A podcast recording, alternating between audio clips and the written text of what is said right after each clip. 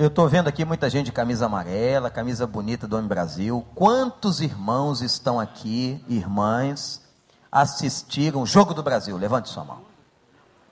Levanta alta com vergonha agora, que já depois que viu, fica com vergonha. Ah. E como é que a gente vai dar conta da Bíblia agora? Jesus não falou parabola? Parábola. Depois ele disse assim: recolham as redes, tirem as traves. Nada disso é bobagem. Pode ver o jogo do Brasil sim. Agora, eu estou preocupadíssimo. Vocês viram a Holanda jogar futebol? Meu Deus do céu, o que, que, é aquilo? Van? Robin, o que, que é aquilo? Gente, precisa de oração. Hoje o Messi vai entrar em campo. Ontem eu fui no aeroporto buscar uma família, tinha um monte de argentino. E eu estava com a camisa do Fluminense. Me reconheceram imediatamente. Time conhecidíssimo no mundo, né? Tá rindo de quem, Miquel? Miquel, isso da exoneração, você sabia, meu filho? Qual é o seu time, meu filho? É Vascaíno. Olha aí, quanto português na igreja. Né? Gente, vocês sabiam que a Bíblia e a autora, a, os autores da Bíblia, muitas vezes, usam a imagem do esporte para ensinar? E o apóstolo Paulo foi muito claro quando ele escreveu a primeira carta aos Coríntios, capítulo 9, abre a sua Bíblia. Quando você abre, não, foi, não ora só pela Holanda, não, tem que orar pela Itália também, pela Argentina. A situação está difícil, irmão.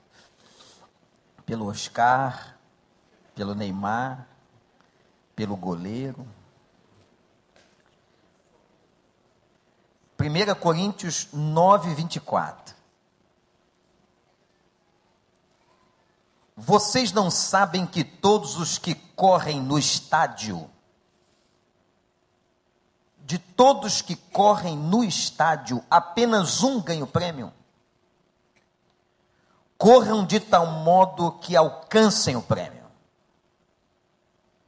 Todos os que competem nos jogos se submetem a um treinamento rigoroso para obter uma coroa que logo perece.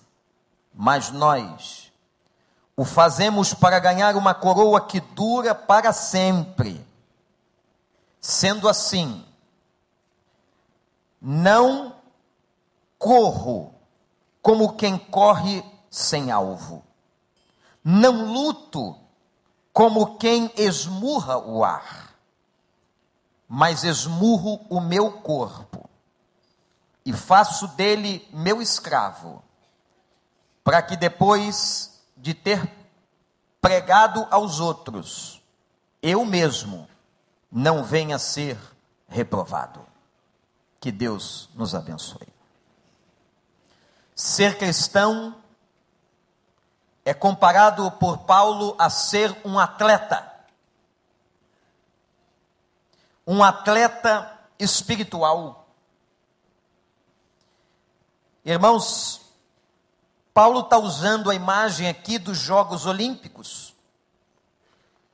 E como você já deve saber, os Jogos Olímpicos surgiram na Grécia Antiga. Na verdade, 776 anos antes de Cristo. Já se praticava na Grécia, exatamente em Corinto, local do destinatário da carta, já se praticava os Jogos Olímpicos. Mesmo depois da tomada de poder pelos romanos, os jogos continuavam e aconteciam de dois em dois anos, como a nossa Copa do Mundo acontece de quatro em quatro anos. Os jogos naquela época aconteciam de dois em dois anos. E vejam a tradição. Já oito séculos que os jogos aconteciam no tempo de Paulo. Os jogos eram tão importantes na cultura greco-romana que qualquer guerra deveria cessar durante os jogos.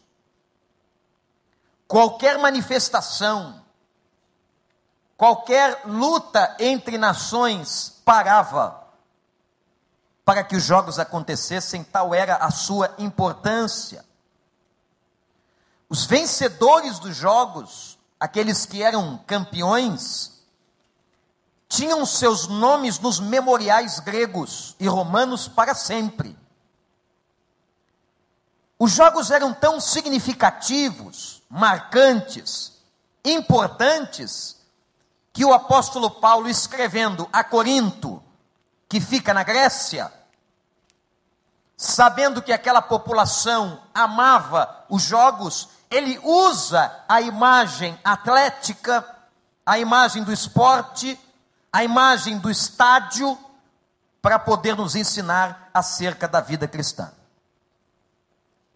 Eu quero, irmãos, tirar algumas lições desse texto para nós. Você que veio aqui nesta manhã para ouvir a voz de Deus, eu oro para que o Espírito Santo fale ao seu coração, ao meu coração, e que o Senhor venha suprir as necessidades que nós temos hoje de manhã. Amém, irmãos?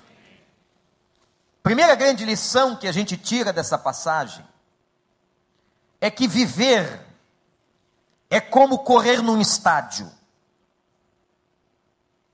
O verso 24 diz que todos correm, todos correm, Talvez uns corram mais lentamente do que outros, mas todos correm.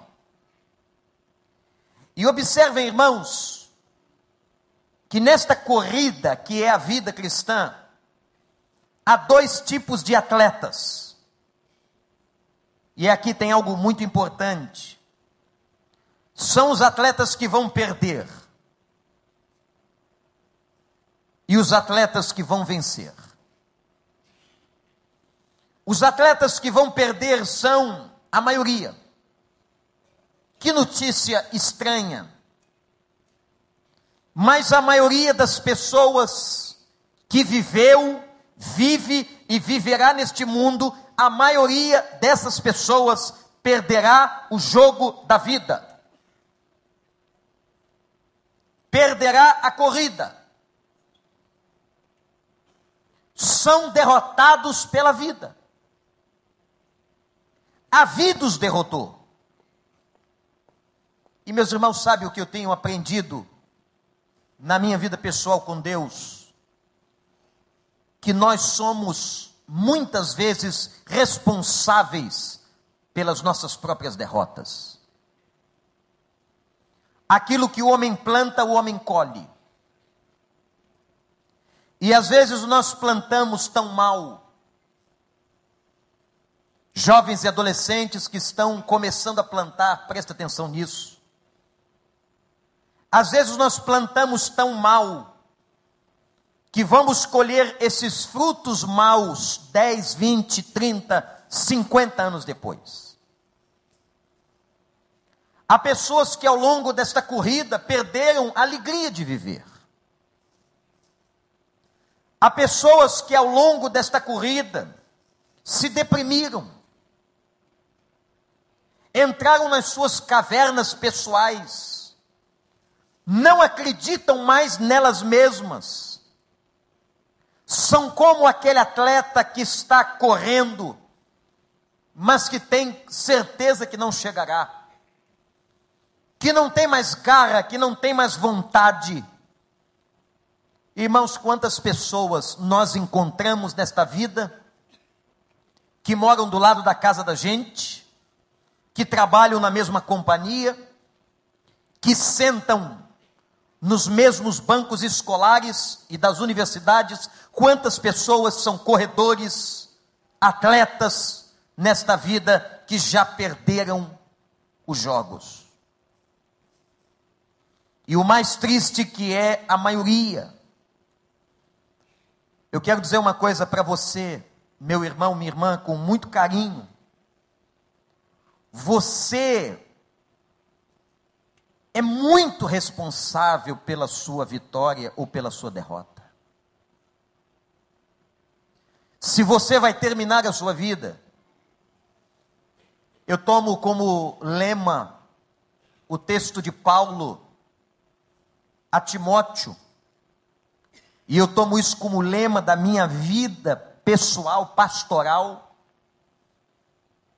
Quando ele diz assim: Eu combati o bom combate, acabei a carreira e guardei a fé.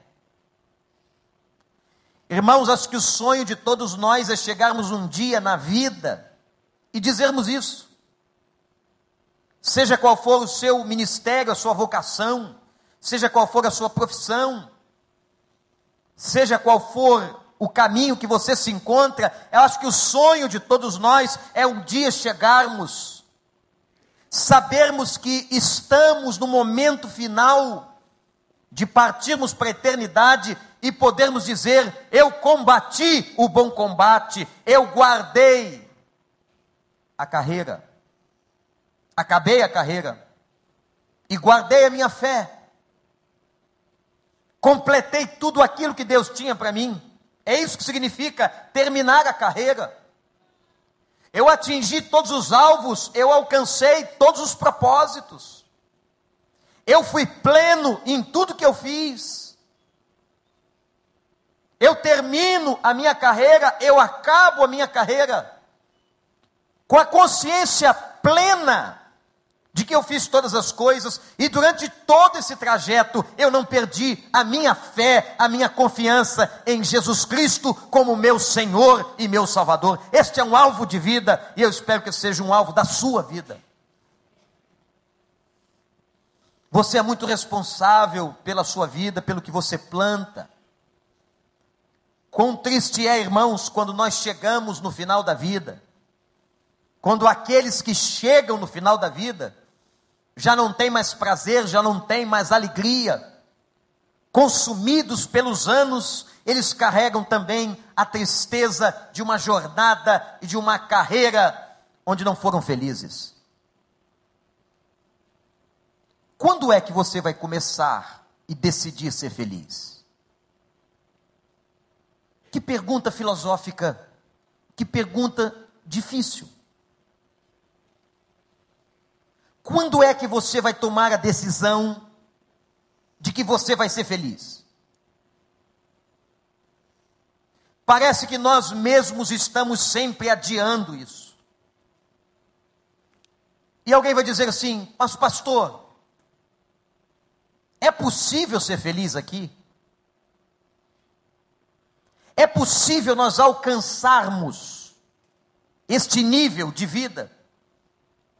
Eu creio que sim, e é bíblico. Porque a Bíblia fala de felicidade várias vezes. Toda vez que aparece a expressão bem-aventurado, essa expressão traduzida do grego, ela significa feliz é o homem. Feliz é o homem que não anda no conselho dos ímpios. Feliz é o homem que não se assenta na roda dos escarnecedores. Feliz é o homem que tem o seu prazer nas leis do Senhor. Bem-aventurados e felizes os pobres de espírito, os humildes, porque herdarão os céus. Bem-aventurados os mansos, Bem-aventurados os limpos de coração, porque verão a Deus. A Bíblia fala de felicidade em muitas passagens. São muitos textos do Velho e do Novo Testamento que a Bíblia fala de felicidade, mas para mim há uma expressão de Jesus que é o texto áureo, o texto principal. Quando ele diz: Eu vim para que tenham vida, e a tenham com abundância. Você sabe o que significa abundância? Você sabe que o Novo Testamento foi escrito no grego, o que isto significa? Vida abundante é uma vida plena, é uma vida completa.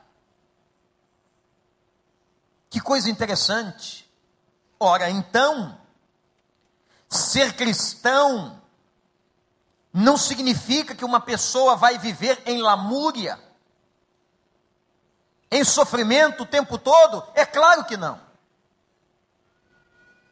Até porque o que o Evangelho faz na cabeça da gente é mudar a visão das coisas, é mudar a ótica, é mudar o ângulo. Você pode olhar uma situação de vários ângulos, de várias maneiras. Quando a gente se converte e Jesus Cristo entra no coração da gente, uma coisa que o Evangelho faz é mudar a nossa forma de ver a vida, a nossa forma de compreender a vida. Por isso que é possível ser feliz neste mundo com toda a plenitude, porque eu posso olhar para um problema, eu posso olhar para uma situação difícil e repetir comigo mesmo e diante de Deus: tudo contribui para o bem daqueles que amam o Senhor. Eu posso olhar para uma necessidade, para um momento de desemprego, e recitar no meu coração: O Senhor é o meu pastor e nada me faltará. Eu posso, numa situação de crise, de ataques, de lutas, ler o texto e declarar: Eu elevo meus olhos para o monte, de onde me virá o socorro? Afirmo: O meu socorro vem do Senhor que fez os céus e a terra. A questão da vida é uma questão do ângulo que se observa. Tem pessoas que tudo na vida é ruim, porque dentro delas tudo é ruim. Uma visão pessimista, uma visão derrotista, uma visão torpe, conduz a mente dessas pessoas, e pasme, irmãos, muitas delas frequentam os bancos das igrejas. Estão na igreja, mas continuam lamuriosas, reclamando, não dão ações de graças, por quê? Porque dentro delas, elas não permitiram que o Espírito mudasse esta visão da vida. Continuarão reclamando até a morte, isto é, perderão o privilégio desta qualidade, desta plenitude de vida. Eu quero dizer a você, meu irmão irmã que entrou aqui, que é possível ser feliz em Cristo, é possível viver uma vida abundante em Cristo Jesus, é possível ver diferente. É possível ver diferente. Mas se você ficar sentado na coluna e na esquina do sofrimento, você continuará vendo as coisas de maneira negativa. É como aquele teste da ótica. Eu pego um pano branco de 10 metros quadrados e coloco nele uma pinta preta. O preto, para ser bem nítido, coloco ele ali. O que está dentro da pessoa determina o que ela vê. Interessante esse teste da ótica. Eu estico aqui este pano, o mesmo pano. No centro dele tem uma pinta preta. E eu chamo as pessoas e pergunto: o que você vê? Impressionante, irmãos. Que aqueles que estão mais resolvidos em si mesmos, vão olhar e vão dizer: Eu vejo um grande pano branco e no meio dele eu vejo uma pequena pinta preta. Mas aqueles que vivem no sofrimento, na lamúria e numa ótica distorcida da vida cristã, eles vão chegar diante do mesmo estímulo visual e vão dizer o seguinte: Eu estou vendo uma pinta preta. Entendeu? Pegou, manja. Tem gente que só vê a pinta preta, só vê a coisa preta. Difícil. Onde está o problema? O problema está na ótica. O problema está na forma como eu vejo a vida. Meus irmãos, oremos por aqueles que só só reclamam. vivem de lamúria, de ressentimento. Tem alguém assim que senta do seu lado na igreja? Tem alguém assim no seu PG? Tem alguém assim que você conhece? Pergunta aí quem está do seu lado. Não é? Você é uma pessoa que só reclama da vida? Talvez você já saiba até a resposta. Então fica quieto. Começa a orar por essa pessoa para Deus mudar a ótica. Me lembro de um aconselhamento conjugal que a esposa disse assim: Pastor, eu não aguento mais. O meu marido só reclama. Não sei se vocês conhecem maridos assim. Ele sai de manhã reclamando, ele volta reclamando. Quando me telefona durante o dia, ele reclama. E agora, pastor, os e-mails e as mensagens do WhatsApp é só reclamação. E eu disse a ela: o que a irmã espera que eu faça? Mate o seu marido é uma possibilidade que eu não tenho condições de fazer porque não tenho essa prática. O que a irmã espera que eu faça? Ela olhou para mim e disse assim: Pastor, eu não sei. Dá para o senhor falar com ele? Falei: Posso falar. A irmã acha mesmo que eu falando com ele, ele vai mudar. Que eu vou conseguir convencê-lo em uma hora que ele não lhe encha mais a paciência. Ela, muito inteligente, olhou para mim e disse assim: é, eu acho que não. Porque ele faz isso há 30 anos. Eu falei, pois é. Como é que em uma hora eu vou resolver um problema de 30 anos? Olhe para mim, irmã. Olhe bem para mim. Olha a carga e o peso que a irmã coloca sobre mim. A irmã está pedindo que eu resolva um problema do seu marido de 30 anos. É, pastor. Então não tem jeito. Eu falei, calma, também não é assim. Qual o jeito que teria?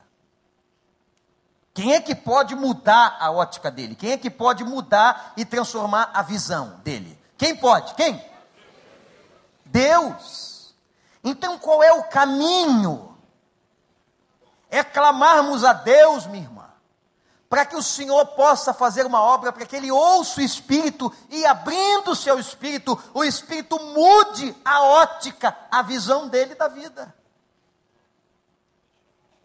O problema está exatamente como que nós olhamos a vida.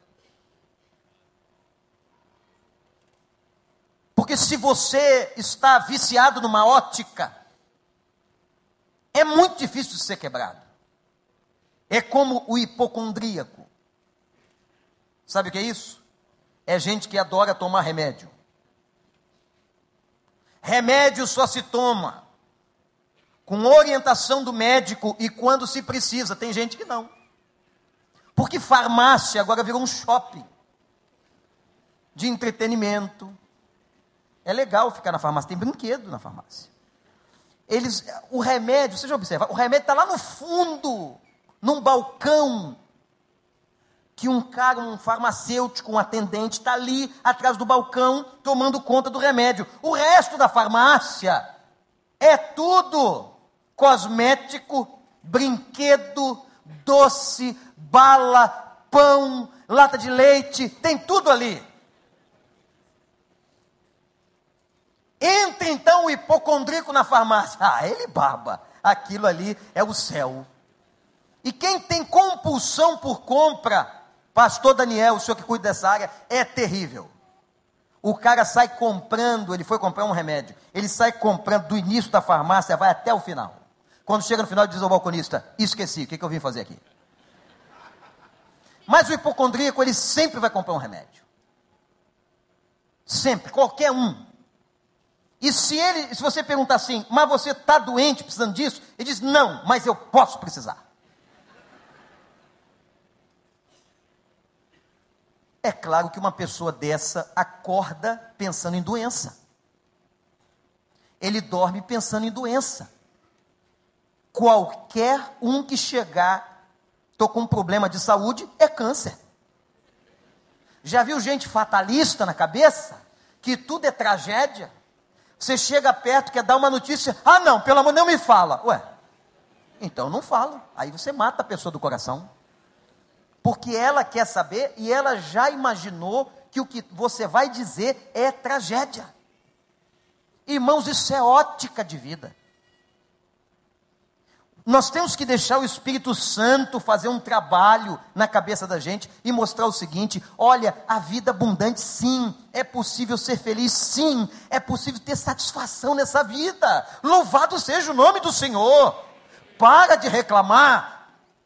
E se você tem alguma dessas questões emocionais das quais não consegue se libertar, busque uma ajuda. Se você é hipocondríaco, se você tem manias, estranhas, porque tem manias muito estranhas. Procure ajuda, procure um médico, procure um terapeuta, procure alguém que possa lhe ajudar, para que você, meu irmão, minha irmã, tenha qualidade de vida. Qualidade de vida é muito importante. Como disse um grande teólogo, é maravilhoso ir para o céu, mas é importante ter prazer durante a viagem. Já que você está indo para o céu e lá vai ser um lugar magnífico, é importante que enquanto a gente está caminhando para lá, a gente viva com alegria. Não antecipe a sua morte. Não mergulhe nas suas depressões, reaja, faça alguma coisa por você, se cuide. Se cuide, cuide da sua vida. Cuide da sua vida física, se trate, cuide da sua vida afetiva, cuide da sua vida espiritual. Saúde é equilíbrio é entre essas três áreas. Uma pessoa saudável é uma pessoa equilibrada fisicamente, psicologicamente e espiritualmente. Cuide-se. Não se deixe. Não se deixe vencer.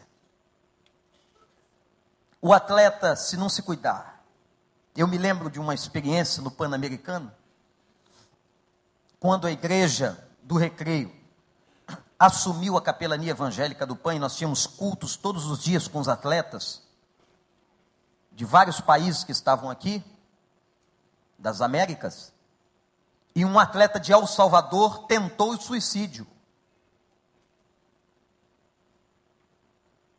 Passando na frente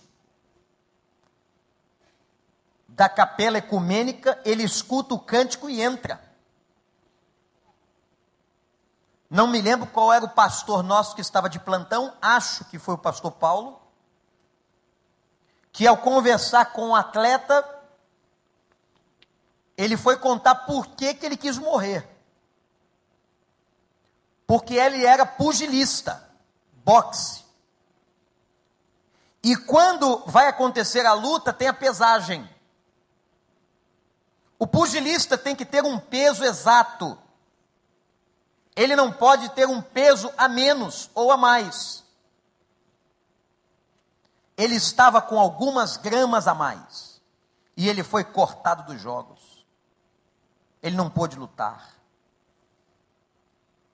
E naquele momento ele foi tomado uma depressão, de uma tristeza, no sentimento de morte, porque ele disse, pastor, falou para o pastor que estava de plantão, eu me preparei a minha vida toda para esse momento. É o ápice do atleta. Disputar uma, disputar uma competição internacional e vencer.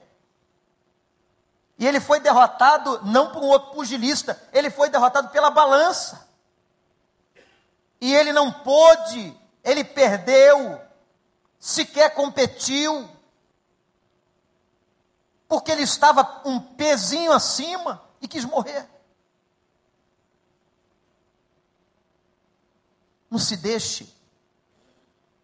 Não se abandone a si mesmo na sua vida física, psicológica, espiritual. Pessoas equilibradas são pessoas saudáveis.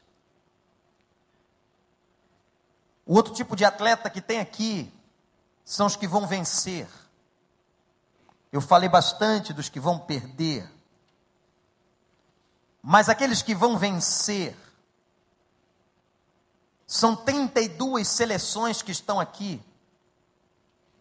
Cada uma tem cerca de 30 jogadores. Façam as contas. Dos 700 jogadores de futebol que estão no Brasil, somente 30 vão levar a medalha de campeão do mundo. Os que vencem esta corrida são poucos. Mas aqueles que vencem são lembrados. Está aí o Ronaldo, que fez os gols da final da Copa na Alemanha, como comentarista de televisão. E outros que foram triunfantes nas suas carreiras estão aí sendo lembrados. Porque é muito bom quando a gente é vitorioso na vida. Que tipo de atleta você é? Você é um atleta que vai vencer ou que vai perder?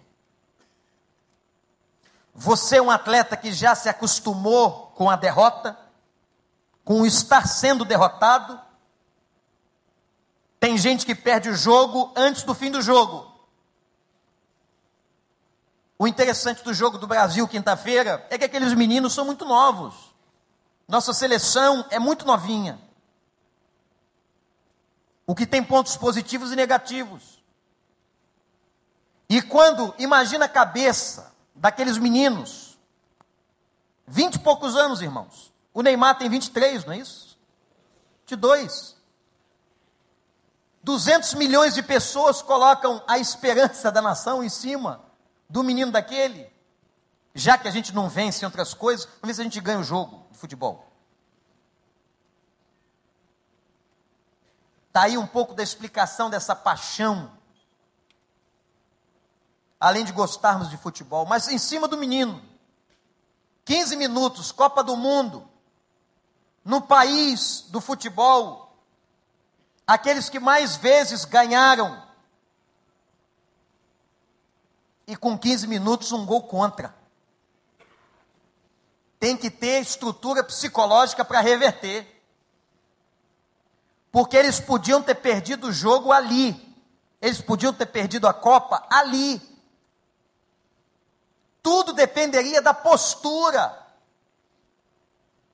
Que postura o time teria naquele momento, quando 15 minutos do início da Copa do Mundo, o time sofre um gol contra? Quem veio aqui quinta-feira, eu preguei exatamente sobre um texto que eu falava de gol contra, derrota e virada. Deve estar na internet. Pode olhar. Você precisa, às vezes, reverter o jogo. Você precisa ter calma. Você precisa confiar e acreditar em você.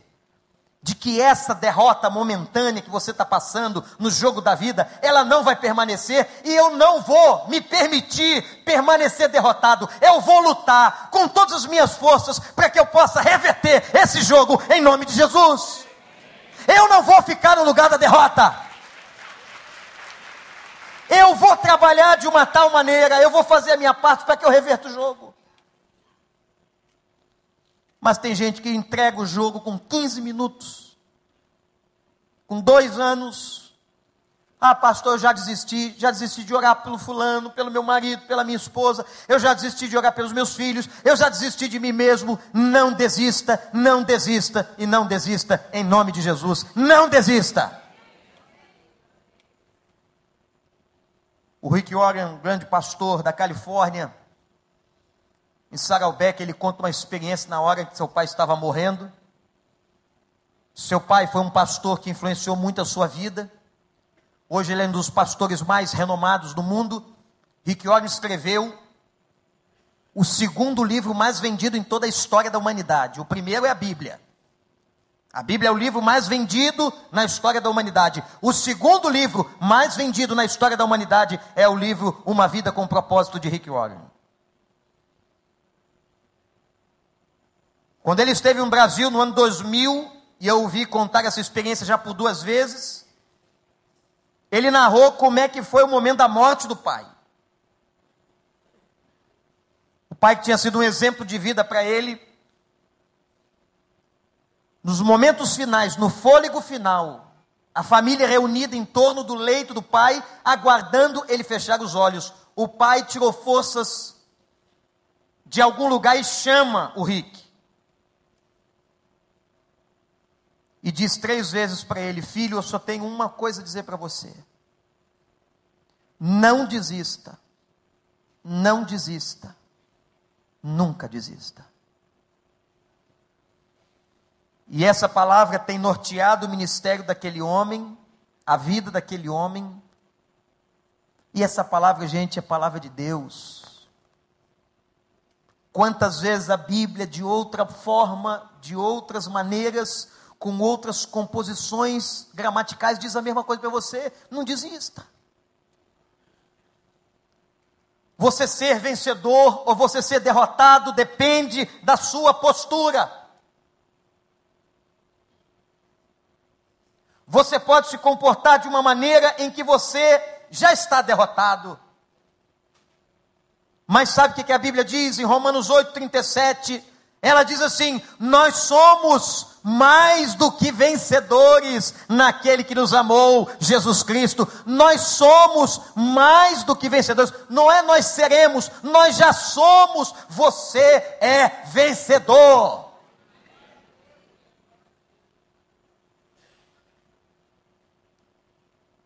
E o texto diz assim: Eu sou mais que um vencedor.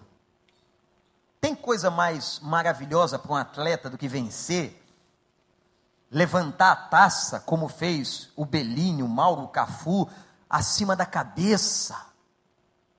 E todo mundo tem 2 bilhões e meio de pessoas vendo essa Copa, todo mundo olhando o jogo final, aquele atleta levanta o troféu. Tem sentimento mais prazeroso para uma pessoa que alcançou seu objetivo? Aí Paulo vai dizer assim: nós somos mais do que vencedores, o nosso prazer é maior ainda do que isso que você está vendo, por causa da figura e da pessoa de Jesus Cristo na nossa vida. Nós somos mais do que um vencedor. Que coisa linda, gente. Agora eu tenho aprendido uma segunda coisa.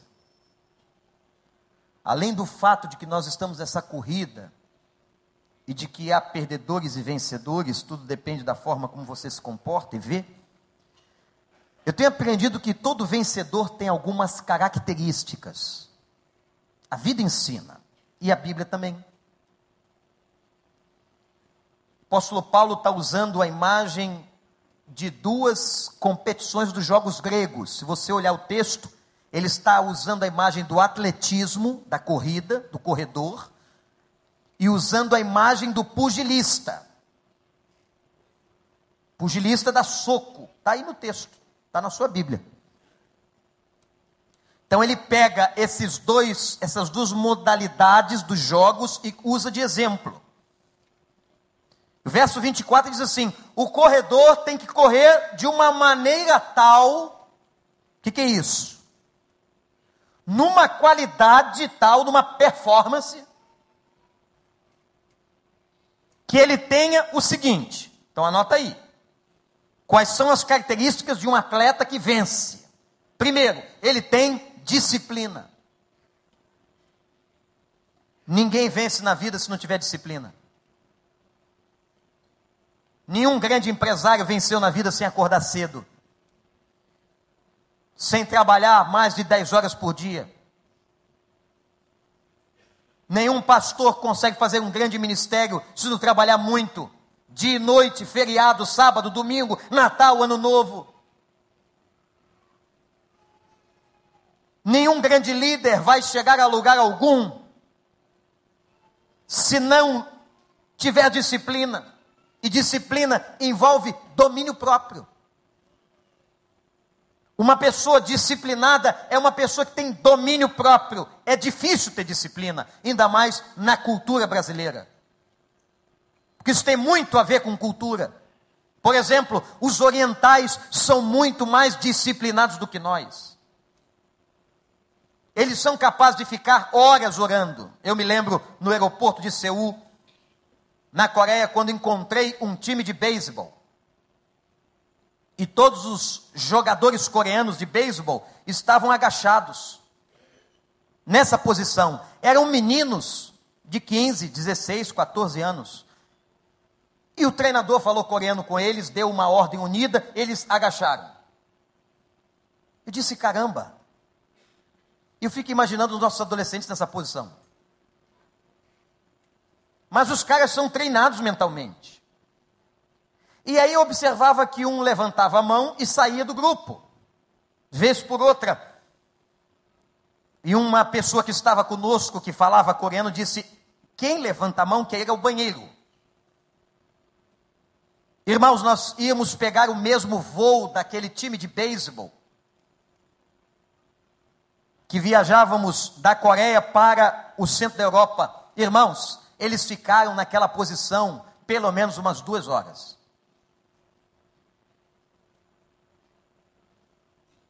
Disciplina. Não se trata de tortura. Disciplina. Nós somos um povo indisciplinado. Nós não temos disciplina com oração. Nós não temos disciplina com a leitura da Bíblia.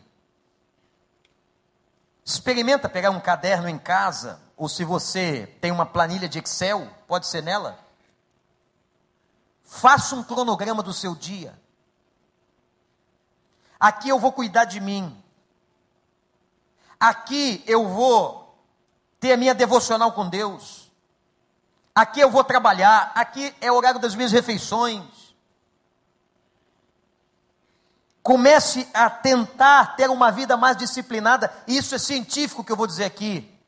Está provado e comprovado cientificamente que pessoas mais disciplinadas tendem a viver mais e com qualidade. Nós somos muito indisciplinados. Nenhum atleta ganha se não tiver disciplina. Na Grécia, naquela época, antes dos Jogos Haviam dez meses de treinamento sob juramento. Para um atleta ir para os jogos, ele fazia um juramento de fidelidade à nação e de submissão, e por dez meses. A nossa preparação não durou 30 dias, não é? Da seleção brasileira e das outras por causa do calendário. Os atletas ficavam dez meses em treinamento. Uma entrevista do César Cielo, ele disse que ele nadava pelo menos oito horas por dia. Disciplina. Quem não tem disciplina, não consegue chegar longe. E na vida espiritual, e para a vida espiritual, precisa de disciplina. Disciplina de que domingo é o dia do Senhor com o povo de Deus, eu vou estar na igreja. Disciplina de que eu preciso orar. Disciplina de que eu preciso ler a palavra. Disciplina que eu preciso cuidar do meu corpo, que é templo do Espírito Santo. Disciplina que eu preciso ter um momento de lazer com a minha família. Disciplina. Por falta de disciplina, tem muita gente morrendo. Segunda coisa que eu vejo num atleta vencedor ele tem meta definida. É quase uma obsessão saudável, se é que se pode usar esse termo. Versículo 25 diz que a meta de um atleta é uma coroa, é um prêmio. Haviam três tipos de coroa que eram dadas a um atleta naquela época. Variava por região. Por exemplo, a coroa de Corinto era uma coroa colocada na cabeça, feita de pinheiro. A coroa de Atenas era colocada sobre a cabeça, feita de ramos de oliveira. E a coroa de Delfos, da cidade de Delfos, era uma coroa de louros. É esta coroa que é muito usada e vista nos livros, nos filmes. A coroa de Delfos. E todos tinham uma coroa como meta. Eu vou alcançar o prêmio. O prêmio. o prêmio. E Paulo diz assim: nós também vamos alcançar um prêmio pela soberana vocação de Deus em Cristo Jesus, nosso Senhor. Filipenses capítulo 3. Qual é a sua meta? A sua meta futura e a sua meta diária. A meta de vida, a meta de vida cristã. E Paulo diz assim no verso 25 do texto que a gente leu: Eles correm por uma coroa corruptível. Porque aquelas coroas murchavam, tinham que ser jogadas fora, envelheciam. Mas nós, irmãos, que coisa maravilhosa, olhem para mim, guardem isso no coração. Nós corremos a corrida da vida por uma coroa incorruptível. Não morrerá jamais o fato de um dia nós alcançarmos a meta. Qual é a meta de vida de um crente vivo? Que ainda não foi para a eternidade, vivo neste mundo. A nossa meta é a estatura do varão perfeito. É sermos como Cristo, é imitarmos a Cristo. Essa é a nossa meta de vida. É falarmos como Cristo, é nos comportarmos como Cristo é termos as ações de Cristo, Ele é o nosso modelo, Ele é o nosso exemplo, Ele é a nossa meta, a estatura do varão perfeito, completo, Jesus Cristo, o nosso Senhor.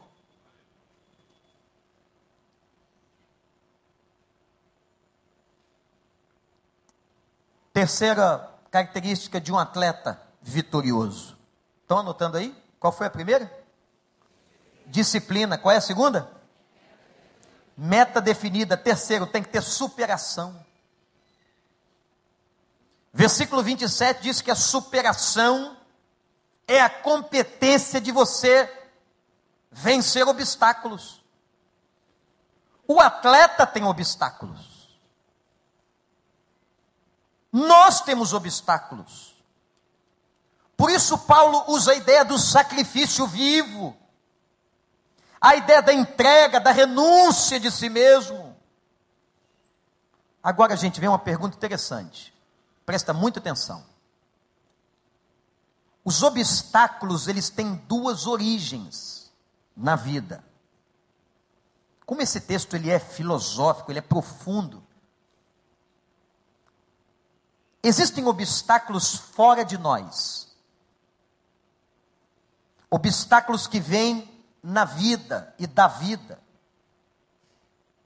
Vem lá do trabalho, vem lá da universidade, vem lá da vizinhança, vem de outros relacionamentos, obstáculos de fora. O clima. Quem é que podia dar conta de que ia chover tanto em Natal, no Rio Grande do Norte, na hora do jogo? e o, a chuva atrapalha o desempenho, é claro que atrapalha. A bola fica mais veloz, o campo fica mais liso, há mais possibilidade de contusões. O jogador não tem o domínio perfeito, que a bola está encharcada. Ainda que com essa tecnologia toda da brazuca, ela está mais pesada do que ela é, porque tem água no entorno dela. Tem água no campo, apesar da drenagem. Não é perfeito.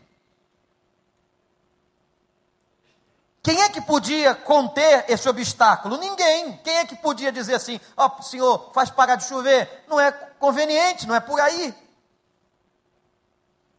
Obstáculo externo, circunstância, clima. Você enfrenta obstáculos de fora. Você enfrenta a competência do adversário. Eu acho que aconteceu com a Espanha foi que ela não imaginou a força do adversário. E quando a gente não calcula a força do adversário, a gente tem uma grande chance de perder. Quando um exército ia se posicionar para uma batalha, a menos que Deus desse outra ordem, eles calculavam qual era o contingente do adversário. Quantos estão vindo? Quantos estão vindo? Às vezes Deus quebrava isso e dizia assim: não, vocês vão levar só 30 mil. Mas de uma maneira geral, quando o adversário estava vindo, o comandante do lado de cá sabia do contingente e mandava um contingente para o combate. Ele não ia mandar todos os soldados do mesmo tempo. Nós não podemos subestimar a força do adversário. Você não pode subestimar o clima, as coisas que acontecem do lado de fora. Tem obstáculos que vêm de fora, mas outra direção, tem obstáculos que vêm de dentro. E esses talvez sejam piores. O medo. Uma pessoa com medo não vai. Um jogador com medo é inseguro. Ele não sabe a jogada que ele vai fazer. Ele acha que ele vai perder. Ele é inseguro para dar um passe de cinco metros. Ele erra, ele joga para fora, ele dá no pé do adversário. Ora, irmãos, o medo é paralisante. É um obstáculo de dentro. Os nossos próprios limites, obstáculos de dentro. Incertezas, dúvidas, obstáculos de dentro. Vocês querem ver um outro obstáculo de dentro muito sério? A autoestima. Uma pessoa que não tem uma autoestima bem trabalhada é um obstáculo, ela nunca acha que ela é competente, que o outro sempre é melhor. Por isso que as seleções hoje trazem psicólogos para conversar com jogadores. Se não me engano, em 2004, o Zagallo colocava do vestiário da seleção brasileira faltam seis, faltam cinco, fazia contagem regressiva com os jogos. Ele estava fazendo um trabalho psicológico na cabeça do jogador. Só faltam quatro, só faltam três, só falta um. Então, tem obstáculos de fora e de dentro. Agora, a verdade, versículo 27, é que nós temos que superar a todos eles, em nome de Jesus. Porque se nós não superarmos os obstáculos, nós não poderemos competir. A palavra grega competir no texto é agonizonai. Agonizonai é a mesma palavra de agonia. O que, que significa? Quem não aprende a competir vai agonizar. É isso que Paulo está dizendo. O atleta desta vida que não aprende a competir vai agonizar. Mas, meus irmãos, diante dos obstáculos, tomemos posse de uma palavra que Deus nos deu, que diz: Eu posso todas as coisas naquele que me fortalece. Você pode? Eu posso todas as coisas. Aqui está o maior estímulo para uma pessoa vencer os obstáculos. Portanto, irmãos, qual é a primeira característica de um atleta vencedor? Em disciplina. A segunda.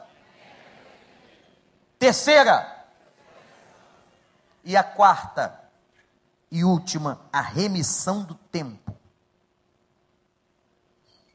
O jogo tem um tempo. Não perca tempo. Não perca tempo, porque 45 minutos de vida passam rápidos.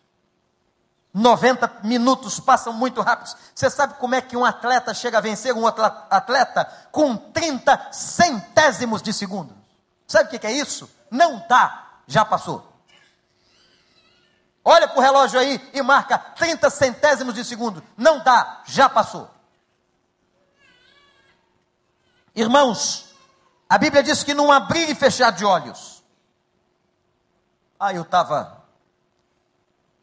Eu estava em Israel quando passou aquele jogo do Atlético de Madrid com o Real Madrid. Eu não sabia que os judeus eram apaixonados pelo Real Madrid. No hotel que eu estava, tinha uma multidão de judeus vendo o jogo. E eu ali quieto, porque eu estava torcendo para o Atlético de Madrid. Por quê? Problema é meu, eu torço para quem eu quiser. Ninguém tem nada com isso. Mas eu queria que eles ganhassem aquele, aquela competição. E eles fizeram 1 a 0. Final da Champions League. 1 a 0. Nunca ganharam aquilo. A maior glória da história do clube. Centenário. O jogo foi os judeus quietos, tristes, torcedores do Real Madrid. Meus irmãos, aos 48 minutos do segundo tempo, não, não, não. Não pode um time tomar gol. Fura a bola, isola todas. Faz alguma coisa, vai os 11 para debaixo da linha. Tira de qualquer maneira, não pode tomar gol aos 48. Tá certo, Gabriel? Não pode tomar gol aos 48. E o Real Madrid fez o gol aos 48 do segundo tempo. Os judeus pareciam que estavam vendo o Messias, eles explodiram em alegria. Foi um êxtase ali. Eu falei, é. O Atlético perdeu, não pode perder os 48. Sabe o que aconteceu? Quem trabalha com educação física, com esporte, sabe disso. Houve um relaxamento de alguma forma. Ou os caras acharam que o jogo estava ganho, ou não tiveram atenção, porque não pode tomar gol aos 48 do segundo tempo. Não pode. Faz qualquer coisa, mas não pode. Ali não tem mais nada. Acabou. O uso do tempo, Efésios 5,16 diz assim para nós: vocês precisam aprender a remir o tempo. Nenhum atleta, nenhum atleta será vencedor se não aprender a remir o tempo. Vamos trazer uma imagem mais viva, por exemplo, na cabeça dos flamenguistas mais antigos. Lembram do Assis, hein? Lembram? Aquele gol que não sai da cabeça de vocês. Aos 40 e não sei o quê. Eu estava no Maracanã. A torcida do Flamengo com aquelas bandeiras, alegre, gritando, é campeão. Lembra, Tinoco? E o Delay lançou a bola para o Assis. E o Assis entrou e fez o gol aos 48 do segundo tempo. Tem sempre alguém que pode se aproveitar quando nós não usamos bem o tempo. Sabe quem? O mal. Quando nós não remimos o tempo, não usamos o tempo como nós deveríamos usar. Nós corremos mal, nós jogamos mal, nós podemos perder o jogo. Gente, eu quero concluir essa palavra em cima desse texto atlético, esse texto esportivo da Bíblia, dizendo a você duas coisas para concluir. Primeiro, seja um vencedor. Viva a vida como vencedor. Tenha na sua vida competência de remir o tempo. Tenha na sua vida superação dos obstáculos. Tenha na sua vida meta definida e tenha na sua vida disciplina